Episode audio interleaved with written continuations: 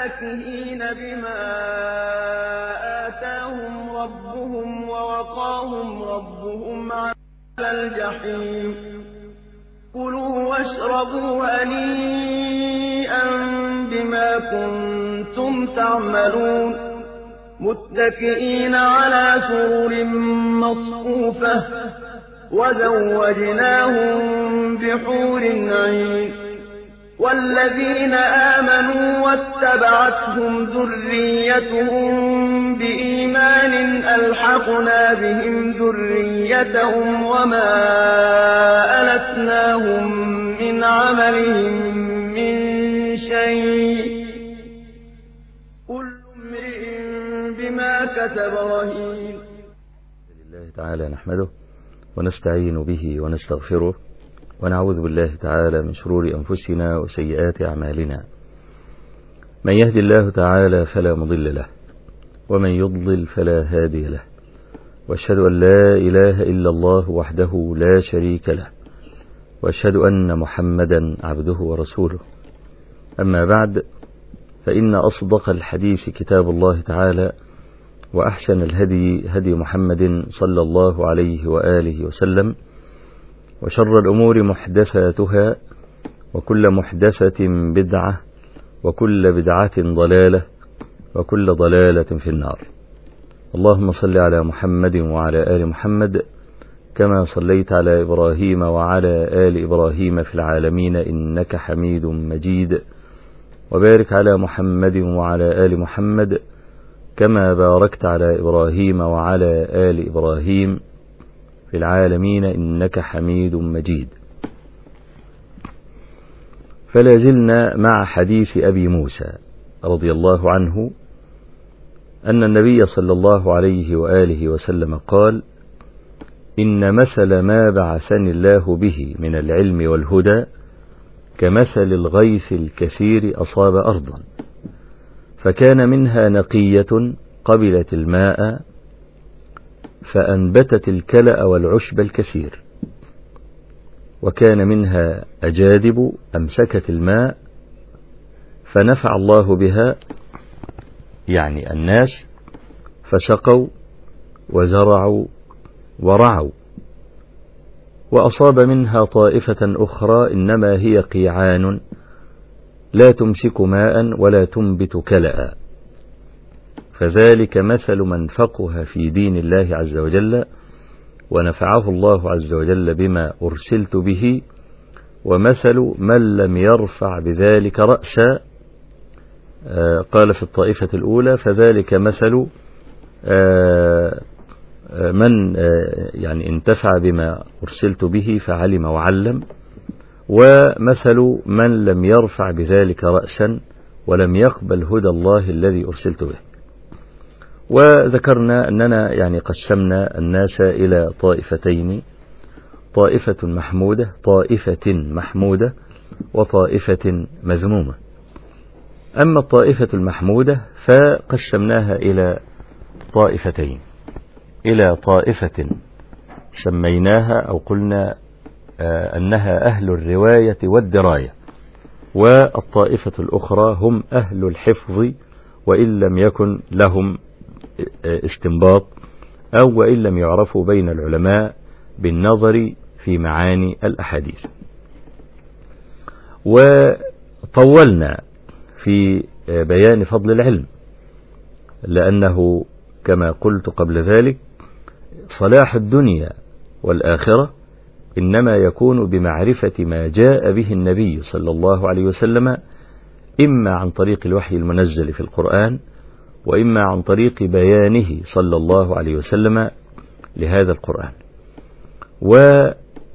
وبغير ذلك تفسد الدنيا ولا تجد فسادا في مكان من الأماكن إلا ويقابله غياب للعلم الشرعي. ولأنه كما قيل الزجاجة الفارغة إن لم يملأها شيء ملأها الهواء فإذا غاب أحد من أهل العلم في مكان ما حل محله واحد من أهل الجهل لكنه تزيى بزي أهل العلم. وأهل الجهل هؤلاء لا يفسدون أذواق الناس فقط بل يفسدون الدنيا كلها. وهذا يوجب على كل من علمه الله عز وجل علما صحيحا أن يقف في مكانه وأن وألا يترك هذا المكان لغيره وإلا كما قال ابن مسعود رضي الله عنه ما ابتدع الناس بدعة إلا ورفع في مقابلها سنة. لا لابد أن يشغل المحل.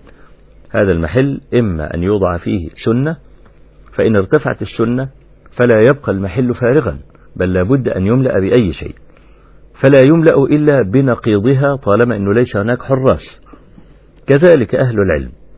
إذا انزوى أهل العلم ولم يتصدروا الواجهة أو فرطوا أو جبنوا أو سكتوا حل محلهم من الجرآء والجهلاء ما يفسد الدنيا والآخرة. قاضي عبد الوهاب المالكي رحمه الله وهو من أعيان المالكية وكان عالما فحلا جليلا وكان أيضا شاعرا مجيدا. يقول في هذا المعنى متى يصل العطاش إلى ارتواء؟ إذا اشتقت البحار من الركايا. ومن يثني الأصاغر عن مراد؟ إذا جلس الأكابر في الزوايا. وإن ترفع الوضعاء يوما. على الرفعاء من إحدى الرزايا. إذا استوت الأسافل والأعالي فقد طابت منادمة المنايا. يقول يعني متى يصل العطاش إلى ارتواء؟ إذا اشتقت البحار من الركايا. الركية اللي هي البئر قليلة الماء. فتصور البحر. إذا أراد أن يشرب احتاج إلى هذا البئر. الذي ليس فيه ماء. والمفترض في البحر إن هو إن هو المشتمل على لجة الماء مشتمل على معظم الماء. لما يصل الأمر إن البحر يحتاج إلى الركية اللي هي هذه البئر هذه مصيبة مصيبة مصيبة كبيرة يعني. ومن يثني الأصاغر عن مراد إذا جلس الأكابر في الزوايا. وهذا هو نص الكلام الذي قلته الآن. عالم يترك مكانه ويرضى بالخمول. ولا يخرج إلى الناس والناس لا بد لها من رؤوس ولا بد لها من مفتين. فإذا لم يجدوا أحدا من أهل العلم الكبار فإنهم سيسألون من يجدونه في طريقهم. وأكثر الناس لا يعرفون من هو العالم. حتى أن الرجل مثلا قد تعرض له مسألة طلاق يذهب لمقيم شعائر في مسجد. مقيم الشعائر ده لا يفقه شيئا. وقد يعني يصادف أنه لا يحسن قراءة شيء من القرآن. فيتصور العامي أنه طالما وقف في المحراب وأما الناس إن ده عالم لكن لو وجد أهل العلم وأخذوا المبادرة لا يستطيع هؤلاء الجهلة أن يظهروا على الساحة لي ينكشف جهلهم وثانيا لن يسمح لهم أهل العلم بذلك. ومن يثني الأصاغر عن مراد إذا جلس الأكابر في الزوايا وإن ترفع الوضعاء يوما على الرفعاء من إحدى الرزايا وده صحيح. يعني تصور مثلا رجلا عالما بحق ترك مكانه وانزوى فحل محله رجل جاهل.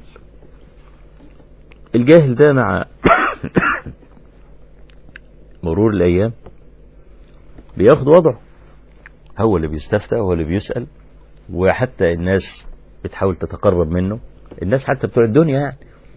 اللي هم التجار الكبار وأصحاب المشاريع. برضه محتاج برضه أن الصورة بتاعته تكتمل بأنه يعرف عالما مثلا أو رجلا مشهورا يتكلم في الدين وكامل عشان يروح ويجي معاه. فيقوم الجاهل ده في في مكانه يعظم أمره. وتلاقي الدنيا كلها بتتكلم عنه وتتكلم باسمه. يقول لك فلان قال وفلان قال وفلان قال. العالم أول ما يطلع يقول إيه إيه ده ده ده غلط. يقوم الجاهل إيه؟ يستنكر على هذا العالم والعام العامة مع الجاهل. لأن العالم منزوي وقاعد في البيت ما لا يعرف لا هو ولا يعرف قدره. وإحنا قد رأينا هذا بأعيننا. بعض الناس اللي هم اللي هم الجهل بحق اللي هو سمح له أن يتكلم في غيبة سلطان هيئة كبار العلماء. وطلع وتكلم برأيه وأفتى حتى بضد الشريعة. لما خرج أهل العلم يقولون هذا خطأ وده غلطان والكلام ده هو هاجت الدنيا. وسمع المعترضون من أهل العلم شتائم ووصلت إلى المواقع بتاعتهم برضو عتابات المؤدب بيعاتب والجريء بيسب والكلام ده. حتى ظهر جهله مع ظهور أهل العلم. فأنا عايز شوف بيقول القاضي عبد الوهاب المالكي وإن ترفع الوضعاء يوما على الرفعاء من إحدى الرزايا.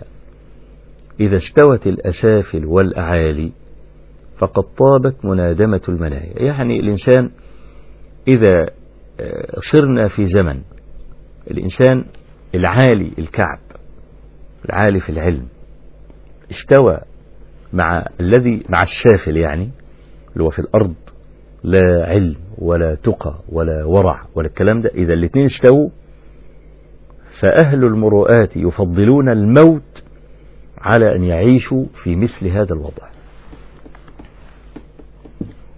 آه عشان كده أنا طولت الكلام عن العلم وعن فضل العلم ولعلي لو أردت أن أمد النفس في هذا لأخذنا وقتا طويلا جدا. لكن أنا أعطي نبذا ولا شك أنه في ما يستقبل من الزمان إن شاء الله تبارك وتعالى.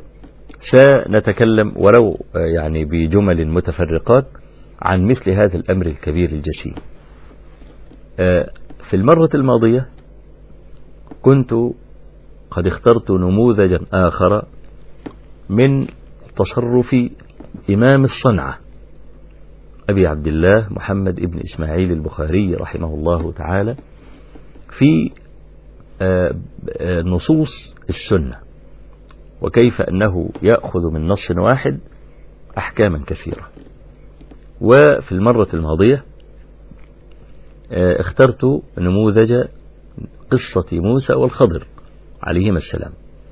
وذكرت أن البخاري رحمه الله قد روى هذا الحديث في ثلاثة عشر موضعا من صحيح.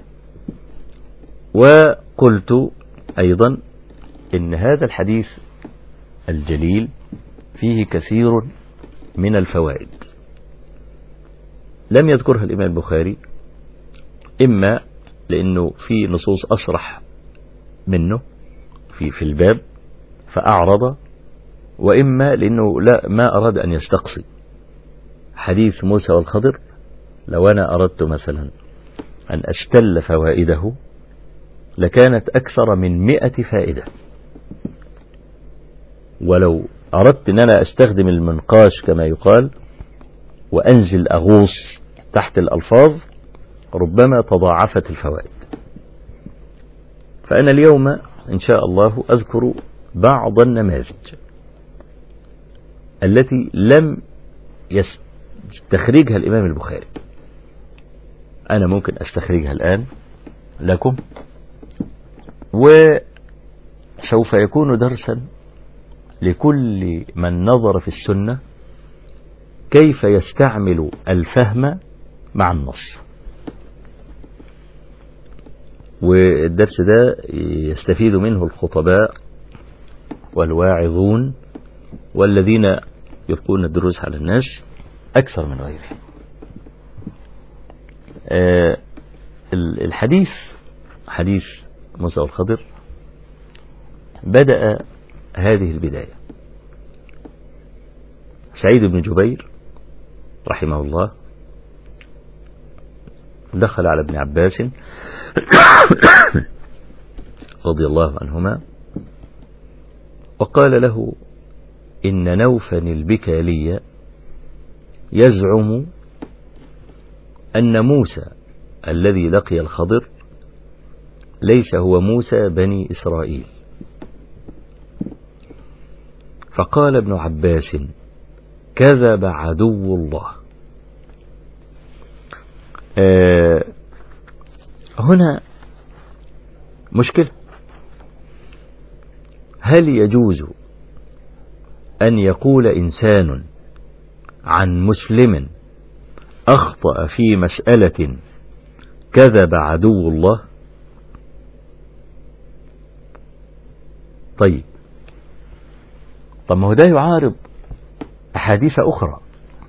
الرسول عليه الصلاة والسلام قال فيها مثلا كما في حديث ابن عمر في الصحيحين إذا قال الرجل لأخيه يا كافر فإن لم يكن كذلك باء بها أحدهما باء بها أحدهما. وحديث أبي ذر وهو في الصحيحين ولفظ مسلم يعتبر نصا في الموضوع لفظ مسلم. الرسول عليه الصلاة والسلام يقول في لفظ مسلم من دعا رجلا بالكفر أو قال عدو الله وليس كذلك إلا حار عليه. طب إزاي ابن عباس وهو من هو يقول عن رجل مسلم أخطأ في مسألة كذب عدو الله؟ ونوف البكالي ليس عدوا لله بل هو رجل من الصالحين الأخيار. وابن عباس يعلم ذلك. وابن عباس لا يخفى على أحد مرتبته في الفهم والفقه لأن النبي صلى الله عليه وسلم دعا له كما في مسند أحمد وغيره اللهم فقهه في الدين وعلمه التأويل. وهذا الحديث في البخاري لكن بلفظ اللهم فقهه. ما فيش وعلمه التأويل عند البخاري. اللهم فقهه في الدين وعلمه التأويل. فابن عباس آه وسيرد معنا إن شاء الله نموذجا لفهم ابن عباس رضي الله عنهما. فازاي بقى نوفق لأن إحنا الآن نعيش محنة جسيمة والمحنة دي متركزة في أن بعض الناس إذا رأى نصين متعارضين بادر إلى تكذيب أحدهما أو إلى تكذيبهما معا. إذا وجد مثلا نصا في الصحيحين أو في غيرهما ويكون الحديث مما اتفقت الأمة على صحته مثلا يعارض فيما يبدو له. نصا آخر يكذب الحديث. زي إيه مثلا؟ قصة العقيمة اللي هم عمالين يتكلموا فيها ليل نهار ديت. حديث النبي صلى الله عليه وسلم أمرت أن أقاتل الناس حتى يشهدوا أن لا إله إلا الله وأني رسول الله. فإن فعلوا ذلك فقد عصموا مني دماءهم وأموالهم وحسابهم على الله. يقول لك ده بيعارض قوله عز وجل لا إكراه في الدين ويعارض قوله تعالى من شاء فليؤمن ومن شاء فليكفر ويعارض قوله تعالى أفأنت تكره الناس حتى يكونوا مؤمنين؟ ويعارض قوله تعالى لكم دينكم ولي دين. فيقول لك إذا كان الله عز وجل خير العبد وقال له اختار اللي أنت عايزه. عايز تكفر أكفر. عايز تؤمن تؤمن براحتك. يجي الحديث يقول أمرت أن أقاتل الناس حتى يقولوا لا إله إلا الله. قال لك يقاتل ليه؟ إذا كان هو مخير أهو وهو له الحرية أنه يختار له عايز يبقى الحديث كذب. وكذبوا أحاديث كثيرة. وكان الأمر كما قال الله عز وجل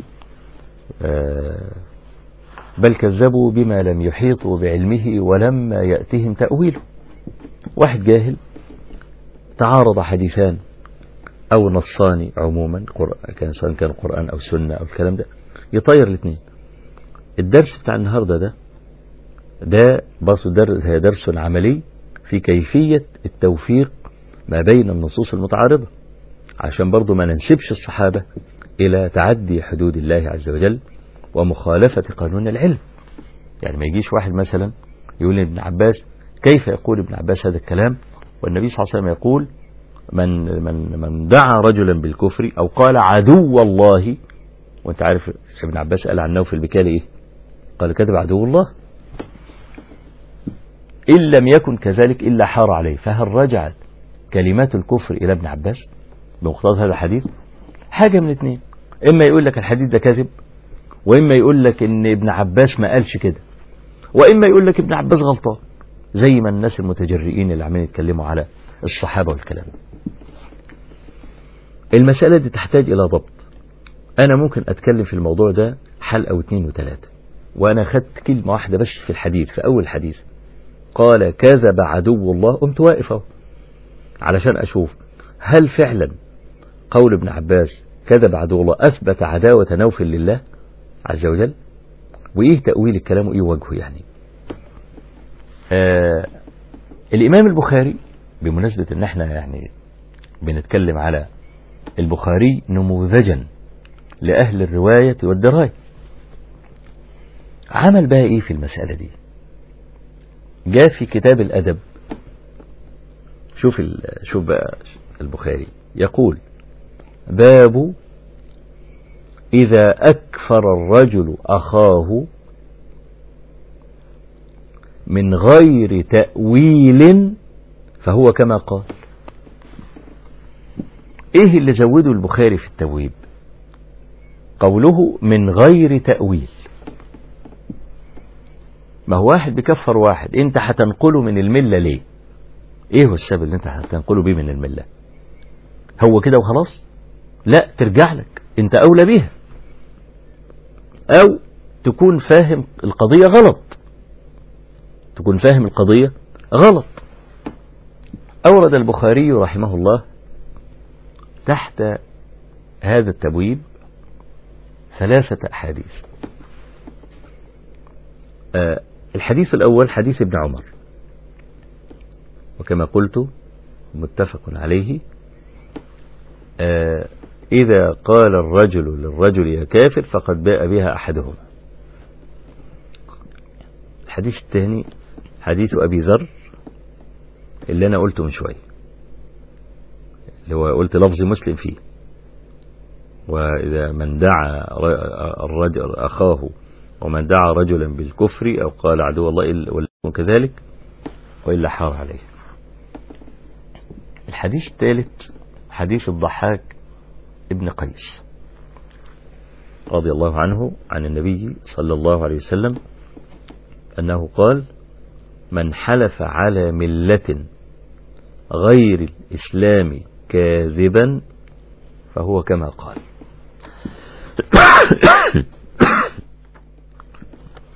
يعني واحد يقول أكون يهودي أكون نصراني أكون مجوسي أكون درزي يقول هذا الكلام كاذبا. النبي عليه الصلاة والسلام بيقول إيه؟ فهو كما قال قال أكون يهودي؟ يبقى هو يهودي. إذا لم يكن ثمة مانع من تطبيق الكلام عليه. البخاري بقى بيقول رحمه الله بيقول بقى إيه؟ إذا أكثر الرجل أخاه بغير تأويل. فهو كما قال سترجع إليه الكلمة. لأن اللفظ أحيانا قد يطلق ويكون القلب بمعزل عن مقتضى اللفظ. فلا بد حينئذ من تأويل ومن قصد. أما التأويل فهو مانع من التكفير. ولذلك الصحابة رضي الله عنهم لم يكفروا الخوارج برغم ان الخوارج كفروا الصحابة. وده معروف. ما خرجوا عليهم ليه؟ خرجوا على علي بن أبي طالب وكفروه كفروا الصحابة والجماعة بتوع التحكيم والكلام ده. الصحابة لم يكفروهم. ليه؟ قال لك الخوارج متأولين. طب متأولين زي إيه كده؟ الحديث الذي رواه أبو داود والنسائي في كتاب الخصائص وعبد الرزاق وغيرهم من حديث ابن عباس رضي الله عنهما. أنه دخل على علي بن أبي طالب يوما. في خلافته وقال له أبرد بالظهر حتى آتي هؤلاء. أبرد بالظهر يعني أخر صلاة الظهر لحد ما أروح للجماعة الخوارج اللي طلعوا علينا دول أناقشهم وأرجع. فقال علي إني أخاف عليك منهم. قال له ابن عباس لا تخف. دخل عليهم ابن عباس في نحر الظهيرة وهم يأكلون. أول ما شافوه قالوا مرحبا بك يا ابن عباس ما جاء بك؟ قال جئتكم من عند خير الناس من عند ابن عم رسول الله صلى الله عليه وسلم ومن عند أصحابه وعليهم نزل القرآن. وهم أعلم بتأويله منكم. وليس فيكم واحد منهم. ما تنقمون على ابن عم رسول الله صلى الله عليه وسلم. إيه اللي خلاكم تخرجوا عليه وتنقمون عليه؟ بعد ما انتحى بنفر من كبرائهم وعلمائهم قال لهم هاتوا اللي أنتم معترضين على علي بن أبي طالب به. قالوا نحن نعترض عليه بثلاث. قال طيب هاتوه. لئن جئتكم من كتاب الله عز وجل ومن سنة رسول الله صلى الله عليه وسلم ما يرد قولكم أترجعون؟ تسيبوا بقى القصة اللي أنتوا عايشين فيها دي وتكفير الصحابة وشق العصا والكلام ده وترجعوا؟ قالوا نعم. قال لهم طب هاتوا بقى الثلاثة دي. فقال قائلهم إنه حكم الرجال في أمر الله. مسألة التحكيم يعني. والله عز وجل يقول إن الحكم إلا لله. ما للرجال ولحكم الله. أدي واحدة. الثانية قال قالوا أو قال المتحدث باسم الخوارج يعني إنه قاتل ولم يسبي ولم يغنم. فإن كانوا كفارا غنم وسبى وإن لم يكونوا كفارا ما جاز له قتالهم. طيب التالتة قالوا إنه محى عن نفسه أمير المؤمنين فهو أمير الكافرين. قال لهم طيب دول الثلاثة أيوة دول الثلاثة طيب تعالوا نناقش المسألة دي. شوف ضحالة التهم وكيف رد عليها ابن عباس ردا صريحا يسيرا. لا يكاد ما سيذكره ابن عباس يخلو منه ذهن عالم يقظ أو طالب علم يقظ. التهمة الأولى آه أنه حكم الرجال في أمر الله. قال لهم طيب أنا أتلو عليكم من كتاب الله عز وجل ما يرد هذا الكلام. ثم تلا عليهم قوله تعالى يا أيها الذين آمنوا لا تقتلوا الصيد وأنتم حرم. ومن قتله منكم متعمدا فجزاء مثل ما قتل من النعم يحكم به ذوى عدل منكم. هديا بالغ الكعبة. فقال لهم الله عز وجل جعل حكم الرجال جعل حكمه للرجال في أرنب ونحوها. ما أي واحد في الحرم هو محرم. قتل أرنب. هو ده المقصود أرنب. قال يجي اتنين ذوى عدل يحكموا عليه الأرنب اللي قتله ده يساوي كام؟ أو الراجل اللي قتله يدفع كام؟ يحددوا عليه مبلغ من المبالغ يدفعه لأنه قتل هذا الأرنب وهو محرم. قال لهم ولو شاء الله لحكم. قال اللي يقتل أرنب يدفع كذا واللي يقتل حمامة يدفع كذا أي حاجة. ربنا عز وجل لما وكل حكمه إلى الرجال في أرنب ونحوها. قال ابن عباس لهم أأرنب أفضل أم حقن دماء المسلمين؟ قالوا بل حقن دماء المسلمين. قال لهم ألم تقرأوا قوله تعالى؟ آه وإن خفتم شقاق بينهما فابعثوا حكما من أهله وحكما من أهلها إن يريد إصلاحا يوفق الله بينهما. مش ده حكم الله عز وجل؟ جعله للرجال. ولو شاء الله عز وجل لحكم. الحكم في بضع امرأة أولى ولا في حق دماء المسلمين؟ قالوا له لا. طبعا في حق دماء المسلمين. قال لهم خرجت من هذه؟ قالوا له خرجت. يعني إذا إن الحكم إلا لله نعم. ولكن هناك وقائع أو أحكام جزئية جعل الله عز وجل الحكم فيها للرجال أو للناس. فالمسألة مش زي ما هم فاكرين. إحنا عملنا مسألة التحكيم بين الطائفتين المتقاتلتين عشان نصل إلى حل ونحقن دماء المسلمين. يعني في معركة صفين قتل نحو من سبعين ألفا من المسلمين من خيار خيار المسلمين. وحتى عمار بن ياسر قتل. وطلحة بن عبيد الله قتل. وطلحة من العشر المبشرين بالجنة وعمار بن ياسر. تعرفين عمار بن ياسر؟ وقتل خلق كثير من الفضلاء. لما أنا أعمل تحكيم عشان أرفع النزاع الموجود وأحقن الدماء. إيه وجه الاعتراض بقول تعالى إن الحكم إلا لله؟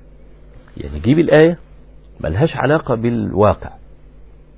اللي بيسمى العلماء تحقيق المناط يعني. دي ملهاش علاقة بدي. بيعترض بادي الرأي. ابن عباس ابن عباس رد عليهم بهاتين الواقعتين الآيتين.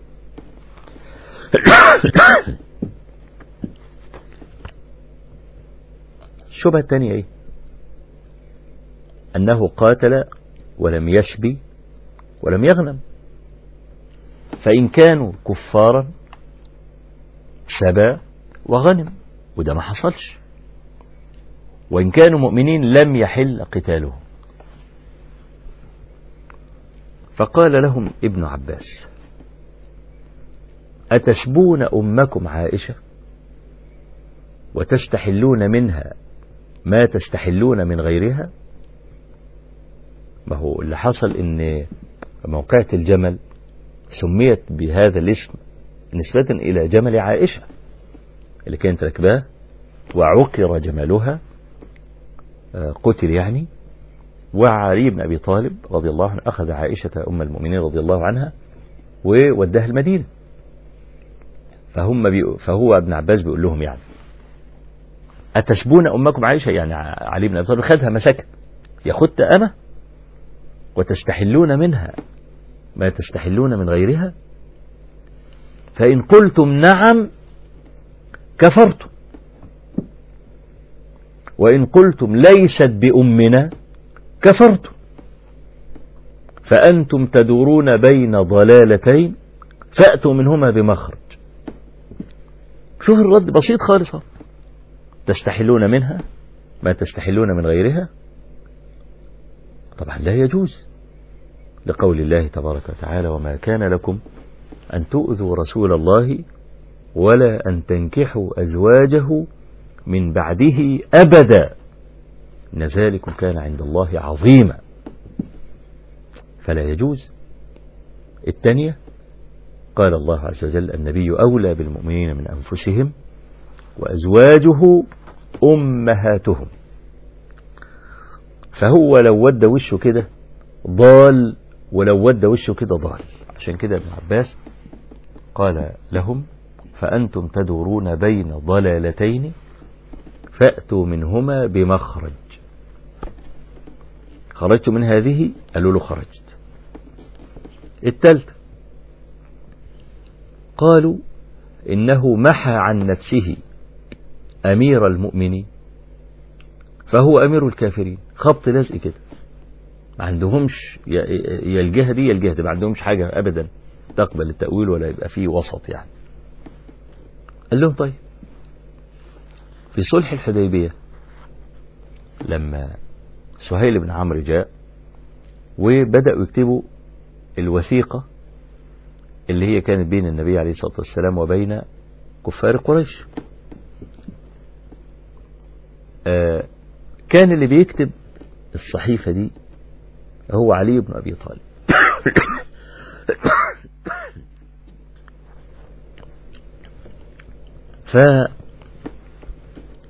فلما أملاه النبي صلى الله عليه وسلم وقال هذا ما كان بين محمد رسول الله صلى الله عليه وسلم وبين سهيل بن عمرو. أم سهيل بن عمرو قال له والله لو علمنا أنك رسول الله ما قتلناك. لكن انسب نفسك إلى أبيك. اكتب من محمد ابن عبد الله. ما تكتبش محمد رسول الله. فقال النبي صلى الله عليه وسلم لعلي يا علي أمح رسول الله. يعني اشطب إيه كلمة رسول الله يعني. فقال له علي والله لا أمحك أبدا. وأبى علي رضي الله عنه أن يشطب أو أن يمحو كلمة رسول الله. فأخذ النبي صلى الله عليه وسلم الكتاب وما يحسن يكتب فحك كلمة رسول الله وكتب ابن عبد الله. قال ابن عباس ولم يكن محوه صلى الله عليه وسلم لكلمة رسول الله محوا لرسالته. كذلك علي لم يكن محوه لأمير المؤمنين تنازلا عن صفته الحقيقية وأنه أمير المؤمنين. خرجت من هذه قالوا له خرجت. فرجع معه ألفان. بعد المناظرة دي ألفان رجع رجعوا وبقي أربعة آلاف قاتلهم علي بن أبي طالب رضي الله عنه. يبقى إحنا عندنا دلوقتي الخوارج كانوا متأولين. التأويل وإن كان ضعيفا ده كانوا متأولين ولذلك عذرهم الصحابة. لم يكفرهم أصحاب النبي صلى الله عليه وسلم لأجل هذا. يبقى أنا عندي المانع من التكفير عشان نفهم النصوص فهما صحيحا. شيئان التأويل والقصد. التأويل زي ما إحنا شفنا في مناظرة ابن عباس مع الخوارج. آه ولا بد أن يكون التأويل مقبولا سائغا. له وجه في الدليل. مش أي حاج يجي يجي يخبط ويقول أي كلام يقول أنا متأول. لا. التأويل له أهله.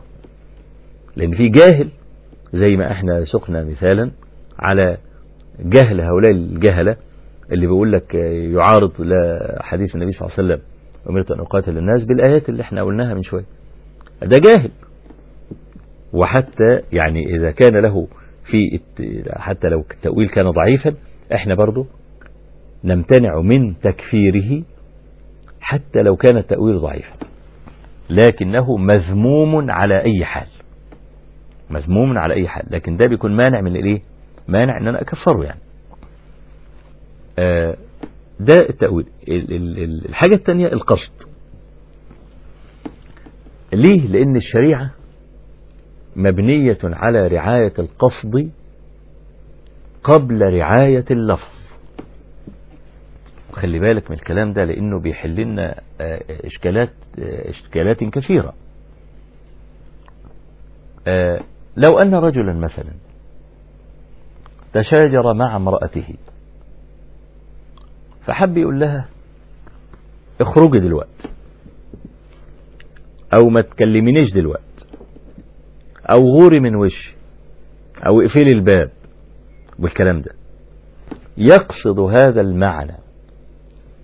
وحده ولم يخطر على باله قط ولا مر بذهنه أن يطلق المرأة. فمن شدة غضبه سبق لسانه وقال لها أنت طالق وهو يقصد اخرجي بر.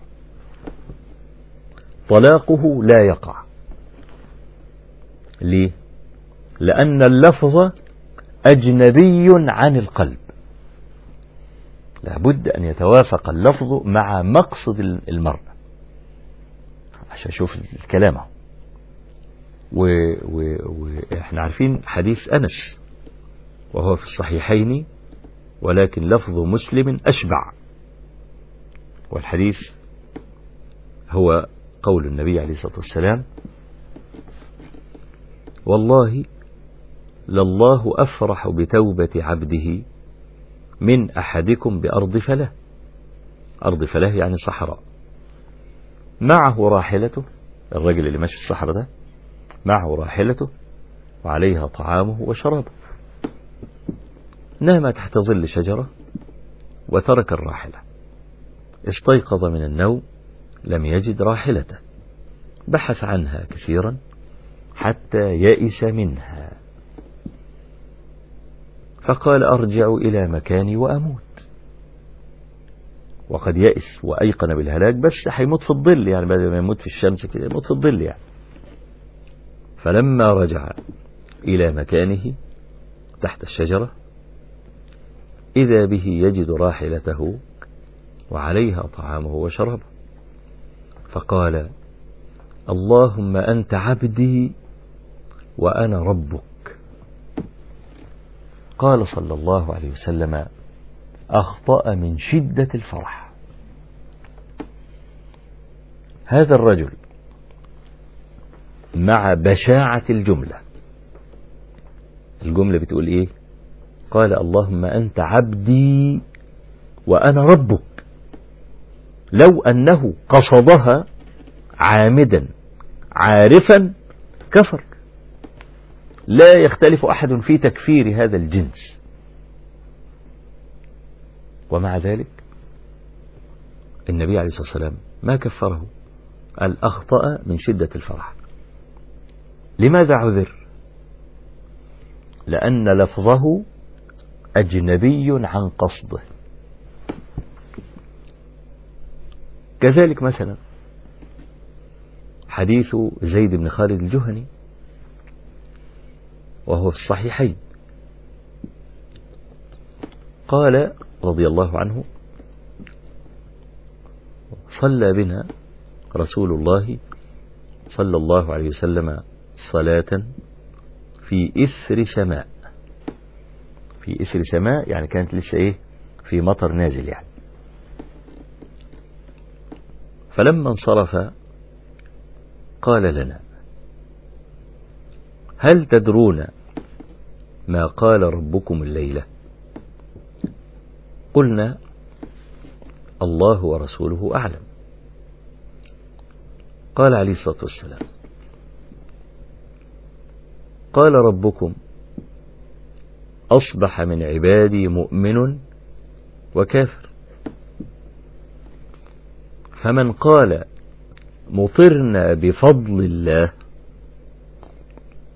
فذلك مؤمن بي كافر بالكواكب.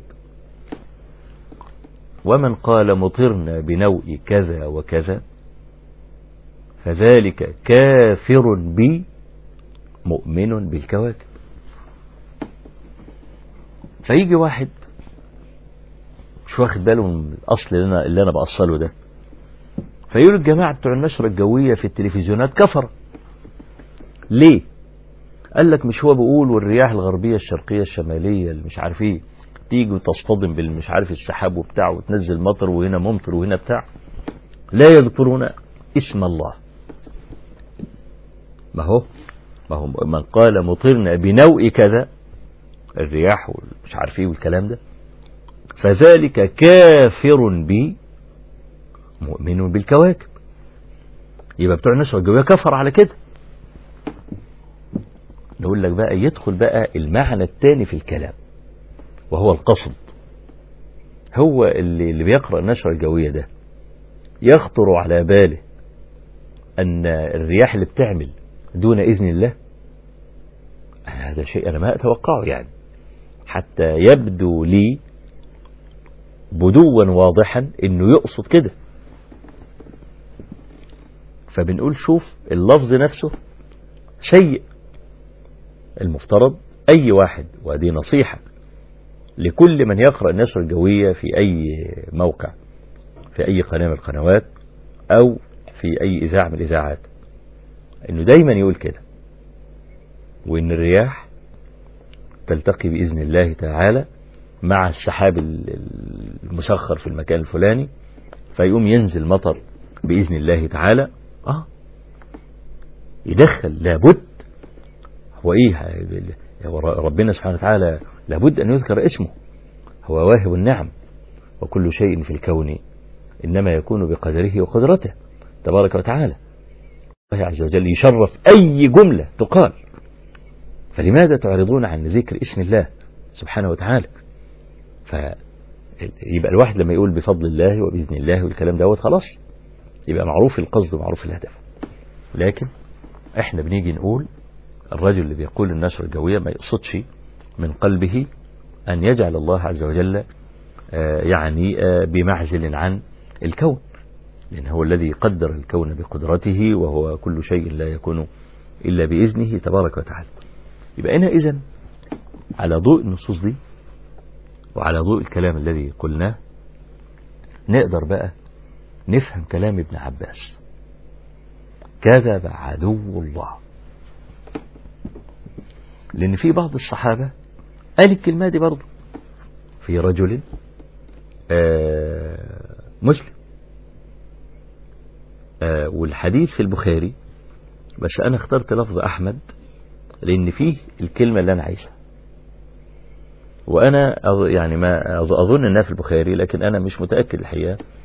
لكن أنا أحفظ آه لفظ أحمد ولم أفتش يعني في المواضع مواضع صحيح البخاري كلها لأن البخاري زي ما إحنا عارفين بيفرق الحديث الواحد في أماكن شتى. آه ابن مسعود رضي الله عنه يقول أن النبي صلى الله عليه وسلم قسم بعض الغنائم. فقال رجل من الأنصار هذه قسمة ما أريد بها وجه الله. قال ابن مسعود فقلت يا عدو الله والله لأخبرن رسول الله صلى الله عليه وسلم بما قلت. فذهب ابن مسعود إلى النبي صلى الله عليه وسلم وأخبره. قال فاحمر وجهه من الغضب. عند البخاري قال ابن مسعود فقلت يا ليتني ما أخبرته. ثم قال عليه الصلاة والسلام يرحم الله أخي موسى أوذي بأكثر من هذا فصبر. قلت له يا عدو الله لأن اللي يقول عن النبي. عليه الصلاة والسلام هذه قسمة ما أريد بها وجه الله ده يا جاهل يا منافق. مفيش مسلم فعلا مس الإيمان قلبه يقول عن النبي كده. فكأنه أشبه أعداء النبي صلى الله عليه وسلم أو أعداء الله عز وجل في تكذيب النبي أو في نسبته إلى الجور والحيف. يبقى قول ابن عباس كذب عدو الله دخل في باب التأويل. ليه؟ لأن كتاب الله عز وجل ناطق أن موسى هو موسى بني إسرائيل. ولم يذكر موسى قط في القرآن إلا موسى بن عمران. فنوف لما يجي يقول هذا الكلام يبقى بيعارض الكلام الصريح الذي لا يحتمل تأويلا. طب نوف البكالي جاب الكلام ده منين؟ من الإسرائيليات. يعني إذا أنا نصبت التعارض ما بين كتاب الله عز وجل وما بين بعض الأخبار التي جاءتنا في الإسرائيليات. فالذي يقول هذا أشبه أعداء الله عز وجل في تحريف الكلم الواضح عن مواضعه. يبقى المسألة داخلة في باب الإيه؟ في باب التأويل. ولذلك في الرواية الأخرى قال كذب نوف. ولم يقل كذب عدو الله تبارك وتعالى. يبقى دي أول إيه؟ فائدة إحنا ممكن ناخدها من هذا الحديث. ويعني هذا فاصل قصير وأعود إليكم بإذن الله تعالى والسلام عليكم ورحمة الله وبركاته.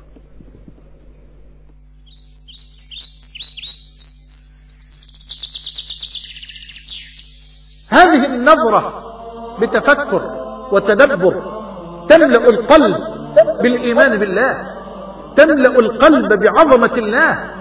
انظر لتلك الشجرة ذات الغصون النذرة. كيف نمت من حبة؟ وكيف صارت شجرة؟ ابحث.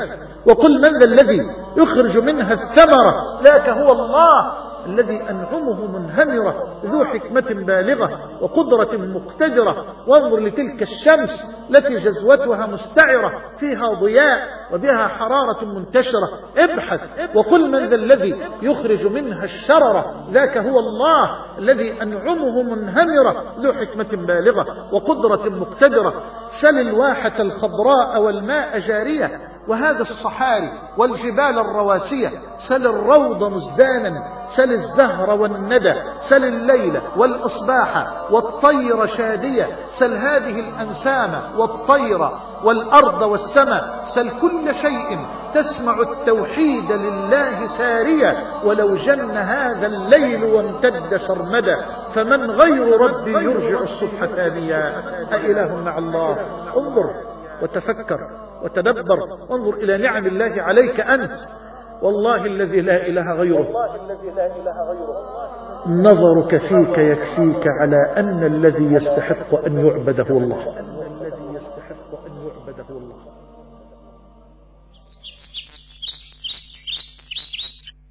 إن الحمد لله تعالى نحمده ونستعين به ونستغفره ونعوذ بالله تعالى من شرور أنفسنا وسيئات أعمالنا. نأخذ مثلا فائدة أخرى من حديث آه موسى والخضر عليهما السلام.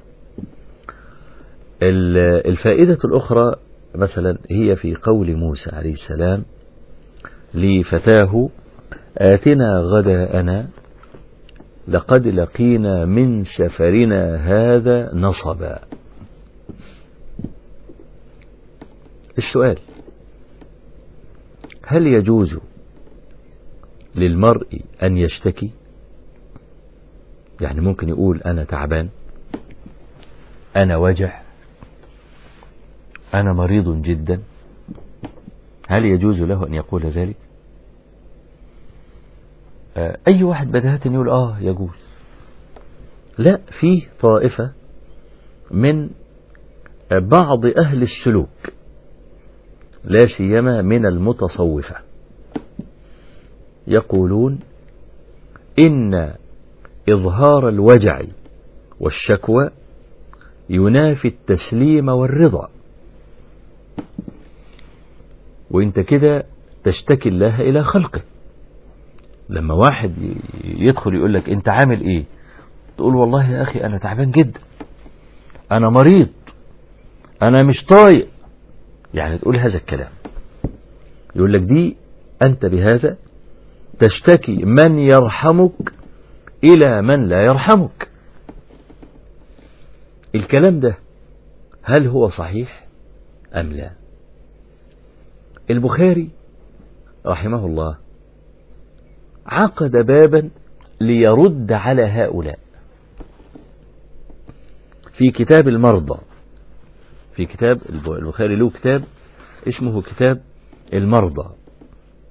يقول فيه باب ما رخص للمريض أن يقول أنا وجع مثلا أو أنا أنا أشتكي أو نحو هذه العبارات.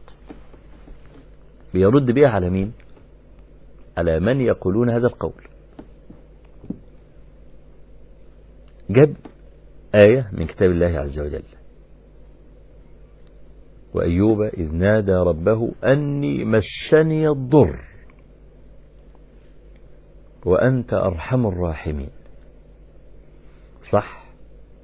اشتكى إلى الله عز وجل لكنه اشتكى. ثم ذكر أدلة هي أخص من هذا وأظهر في بيان المراد. لأن البخاري أورد الآية ليرد على الذين ينتقدون مطلق الشكوى.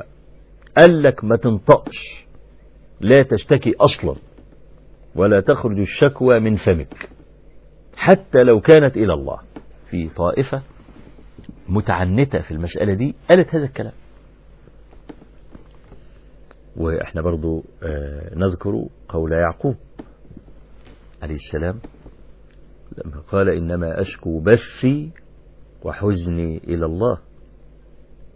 وهذا اشتكى برضه لا ده عند الطائفة دي؟ لا. طبعا الآيتان تردان هذا القول وده من الغلو وتكليف ما لا يطاق. إني أخليه ما ينطقش. خالص كما لو كان صخرة ده هذا ليس من الرحمة. ال ال ال البخاري أورد بعض الإيه؟ أورد بعض الأخبار اللي فيها جواز أن يشتكي المرء. فأورد فيه حديث عائشة رضي الله عنها قالت دخل علي رسول الله صلى الله عليه وسلم وأنا أقول ورأسه فقال عليه الصلاة والسلام ذلك لو كان وأنا حي وفي بعض الروايات قال لها ما ضرك لو مت قبلي فغسلتك وكفنتك ودفنتك فقالت عائشة وثكلياه والله إني لأظن أنك تحب موتي. ولو كان ذلك لبت ليلتك معرسا ببعض أزواجك. هي بتقول له يعني عليه الصلاة والسلام إن موتي لن يمنع أن تلم ببعض أهلك. ياخذ حق الشرع يعني. فالشاهد من هنا إن أن عائشة لما قالت ورأساه لم ينكر عليها النبي عليه الصلاة والسلام أن تشتكي رأسها. بل قال صلى الله عليه وسلم لها بل أنا ورأساه أهي ما هي ده شكوى. والذي يقول هذا هو صاحب الشرع صلى الله عليه وسلم الذي يشرع الأحكام. اللي ما ينفعش حد يقول كلام في مقابله. كذلك عندنا حديث ابن مسعود رضي الله عنه لما آه حم النبي صلى الله عليه وسلم يوما فدخل عليه ابن مسعود فوضع يده على رأس النبي عليه الصلاة والسلام فوجده آه شديد الحرارة سخن سخونة سخونة قوية يعني. في بعض الروايات إن ابن مسعود رفع إيده على طول. يعني ما استحملش إن إيده تظل على جبهة النبي عليه الصلاة والسلام. فقال يا رسول الله فقال النبي صلى الله عليه وسلم له فقال ابن مسعود للنبي صلى الله عليه وسلم يا رسول الله ما أشد حماك؟ فقال عليه الصلاة والسلام أجل إني أوعك كما يوعك الرجلان منكم.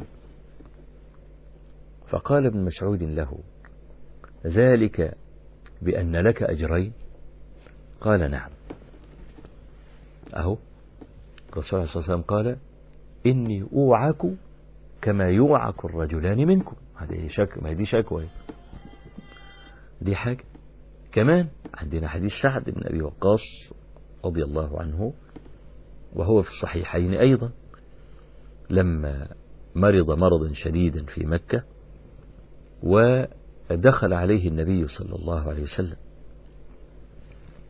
فقال له سعد يا رسول الله قد بلغ بي من الوجع ما ترى ولا يرثني إلا ابنة واحدة.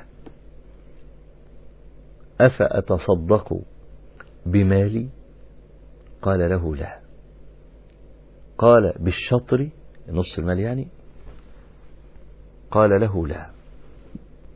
قال بالثلث قال له الثلث والثلث كثير. فأدي قول إيه؟ سعده. قد بلغ بي من الوجع ما ترى. في بعض طرق الحديث قال مرضت بمكة مرضا أشفيت منه على الموت.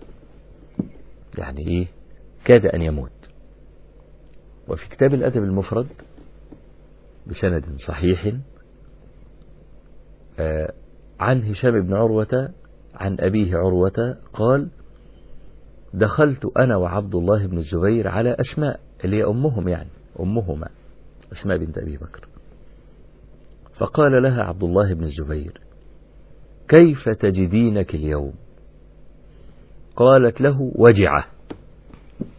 أشتكي الوجع. البخاري رحمه الله في كتاب الأدب المفرد بوب على هذا الحديث بقوله باب قول المريض إني وجع. فدي كلها عندنا نصوص أهو صريحة في أنه يجوز للمرء أن يشتكي وأن هذا لا ينافي التسليم والرضا. لكن الشكوى المذمومة هي أن يشتكي المرء متضجرا بما ينافي الصبر. لأن المرء إذا لم يعصمه الله عز وجل بالصبر يقول هجرا من القول وأحيانا قد يكفر أحيانا قد يكفر. وكثيرا ما يقول كلام الكفر وإن كنا لا نكفره. لأن إحنا عندنا فعل وعندنا فاعل. قد يكون الفعل كفرا لكن لا يكفر الفاعل حتى يعلم. ربما كان جاهلا ربما غلب فكان اللفظ أجنبيا عن القصد. زي ما إحنا اتكلمنا من شوية. يعني قد يكون هناك أي مانع من موانع إطلاق الكفر على الفاعل. يعني النهاردة مثلا في المساجد التي فيها قبور مساجد المشهورة إن فيها قبور والناس يطوفون حول هذه هذا القبر وتسمع كلام الكفر من هؤلاء الطائفين حول القبر. يطلبوا المعونة وفك الكربات وتفريج المصائب وجلب المنافع. لا يستطيع أحد إطلاقا أن ينكر ما أقول. أنا فاكر زمان لما كنت في الثانوية العامة والجماعة في البلد عندي لما عرفوا إن أنا جاي القاهرة حملوني بقى أمانات إن أنا لما أروح مسجد الحسين رضي الله عنه وأطوف هناك أقرأ الفاتحة وكل واحد حملني حاجة من الحاجات بتاعته يعني. أنا ما كانش عندي فكرة خالص عن القصة دي بتاتا يعني. دخلت لقيت أمة. وراجل جاي من الريف فوضوي بقى ماشي على كيفه. أرض براح وجرن وغيط العالم بيطوف حوالين القبر كما يطوف الناس بالبيت العتيق. القبر على الشمال والعالم عمالين إيه؟ عمالين يطوفوا كده. وفي عسكري بينظم السير أنا دخلت يمين خالفت إيه؟ خالفت خط السير العالم ماشية كده وأنا داخل كده. لقيت اللي بيشدني من قفايا وبيقول لي طوف وصلي على النبي. طيب الطواف بالقبور. شرك أم لا؟ نعم شرك. طيب الذي يطوف بالقبر مشرك؟ أقول لك لا. يبقى أنا عندي فعل وعندي فاعل. فقد نقول عن الكلام كلام كفر. يعني الرجل الذي قال اللهم أنت عبدي وأنا ربك. ده كلام كفر ولا كلام إيمان؟ لا يختلف اثنان إن دي عبارة كفرية. العبارة كفرية. هل القائل كفر؟ أقول لك لا. طب لماذا يقول كلام الكفر ولا يكفر؟ أقول لك عشان فيه مانع. المانع ده قال من شدة الفرح وكما أن الفرح يغلب على الذهن فيصير المرء سكران بغير خمر. كذلك الحزن يغلب على المرء حتى يصير سكران بغير خمر. يغلب المرء على عقله حزنا وفرحا. فإذا ثبت أنه غلب وإن أن اللفظ أجنبي وبمعزل عن قصده لا يكفره أهل الحد يبقى الفاعل قد لا يكفر لأنه جاهل نحتاج إلى تعليمه إلى إقامة الحجة عليه حجة رسالية التي يكفر تاركها. فعشان كده نفرق ما بين هذا وذاك. رعاية هذا الأصل مهم لأن في شباب لا يتحملون ما يرونه من المناكير كهذه وبسبب اندفاعهم وحماسهم وجهلهم أيضا بمواقع النصوص واستنباطات أهل العلم منها ممكن ياخد من النصوص دي فهما خاطئا. فأنا عايز أقول إن الإنسان إذا وقعت عليه مصيبة ولم يتبع قانون الشرع فيها ممكن يقول كلام كفري. يعني مثلا كتير ويمكن كثير من المشاهدين يوافقونني في هذا لأن ممكن يكون حد منهم سمع العبارات دي أو كده. لما واحد من هؤلاء العوام يقع في مصيبة ولا حاجة قال يقول يا رب قال اشمعنى أنا؟ هو أنا عملت حاجة؟ اشمعنى أنا دون عن الخلق دول كلهم اللي اخترتني وحطيت علي المصيبة دي؟ ده كلام يقال لله. يعني أنا الأسبوع اللي فات واحد بيقول لي واحد إيه؟ بيقول له إيه أخبار فلان؟ قال له مش ربنا افتكره. قال له قال له افتكروا إمتى؟ قال له افتكروا أول إمبارح. لا حول ولا قوة إلا بالله. افتكروا عندنا إحنا في عرف المصريين يعني مات. هو افتكروا ديت يعني أكان الله عز وجل ناسيا له. قبل ذلك وبعدين أول ما يفتكر وياخده قالت إيه ده؟ ده ده, ده كلام ده كلام ممكن أنا أقدر أقول عليه ده كلام مسلمين؟ طبعا هذا كلام كفر. العبارة نفسها عبارة كافرة. اللي قال العبارة دي كافر؟ أقول لك لا. عبارة دارجة مش واخد باله من بشاعة الكلمة وقبحها. إن ربنا افتكروا يعني قال له افتكروا إمتى؟ يعني كان نسيه يعني. بعدها مقتضى الكلام مقتضى اللفظ. إذا الإنسان عندما يشتكي عندما يقع به تقع عليه مصيبة يقع عليه مرض والكلام ده لابد أن يعتصم بالصبر. ولا ينافي الصبر أن تظهر بوادر حزن أو علامات حزن الرسول عليه الصلاة والسلام لما مات ولده إبراهيم بكى. فقالوا يا رسول الله أتبكي؟ فقال هذه رحمة جعلها الله في قلوب عباده إنما يرحم الله من عباده الرحماء. إن الله لا يؤاخذ بدمع العين. وقال عليه الصلاة والسلام إن العين لتدمع وإن القلب ليحزن ولا نقول ما يغضب الرب. وإنا لفراقك يا إبراهيم لمحزونون. فالبكاء علامة حزن ومع ذلك لا ينافي الرضا. لا ينافي الرضا.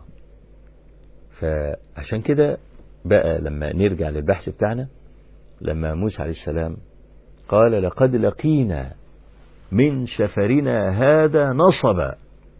يعني أنا تعبت. لو قالها المرء لا يعد مشتكيا. الشكوى اللي هي المذمومة طالما إن هو الكلام ده كله في محيط الأدب مع الله تبارك وتعالى وأن العبد لا يقول ما يسخط الرب عز وجل. الحقيقة الحديث فيه فوائده كثيرة. واللي أنا كنت محضره النهاردة أن أنا كنت هقول عشر فوائد. أقول عشرة فوائد. لكن هو الحقيقة أنا ما يعني أكتفي بهاتين الفائدتين ولعله في مستقبل الأيام. إن أحيانا الله سبحانه وتعالى ولم يكن هناك مانع أن نجيء مرة أخرى إلى هذا المكان سنبسط مثل هذه المعاني مرارا ونحن نتكلم في هذا البرنامج في برنامج زهر الفردوس. وفي المرة القادمة إن شاء الله أتكلم عن الطائفتين الباقيتين. طائفة الحفظة اللي هم علماء الحديث اللي هم عرفوا برسم الحديث. ما كان لهمش استنباط ولا عرفوا في الكتب الفقهية بكلام زي الأئمة اللي إحنا بنسميهم المحدث الصرف يعني. كأبي حاتم الرازي أبي زرعة الرازي الدار قطني ابن عدي ابن شاهين مثلا وهكذا. يعني العلماء دول اللي عاشوا حياتهم تماما في الحديث سنبين شيئا من فضلهم وكيف أنهم كانوا كالأرض التي حفظت الماء. حفظت الماء أي حفظت النص كما هو. بلا تبديل. علشان أهل الدراية لما يجي يلاقي نصا صحيحا لم يعتريه أي علة من العلل يقدر ياخد هذا النص يستنبط منه. يبقى العلماء دول أدوا الحديث إلى أهل الدراية. لأن أهل الدراية فيهم من جمع ما بين الرواية والدراية وفيهم من هو من أهل الاستنباط لكن لا علاقة له بمعرفة الحديث الصحيح. مع الطائفة الأخرى التي ذمها رسول الله صلى الله عليه وآله وسلم وأعتذر عن يعني قطع البرنامج وعدم إتمامه إلى نهايته. والله والله تبارك وتعالى أسأل أن يجعل ما قلته لكم وما سمعتموه مني زادا إلى حسن المصير إليه وعتادا إلى يمن القدوم عليه إنه بكل جميل كفيل وهو حسبنا ونعم الوكيل. وصلى الله وسلم وبارك على نبينا محمد. والحمد لله رب العالمين.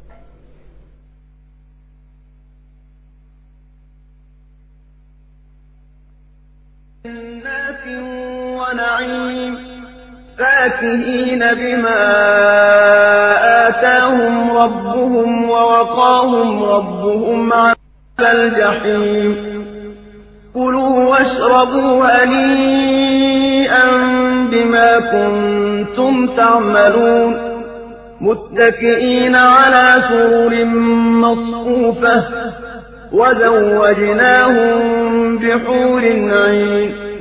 والذين آمنوا واتبعتهم ذريتهم بإيمان ألحقنا بهم ذريتهم وما ألتناهم من عملهم من شيء.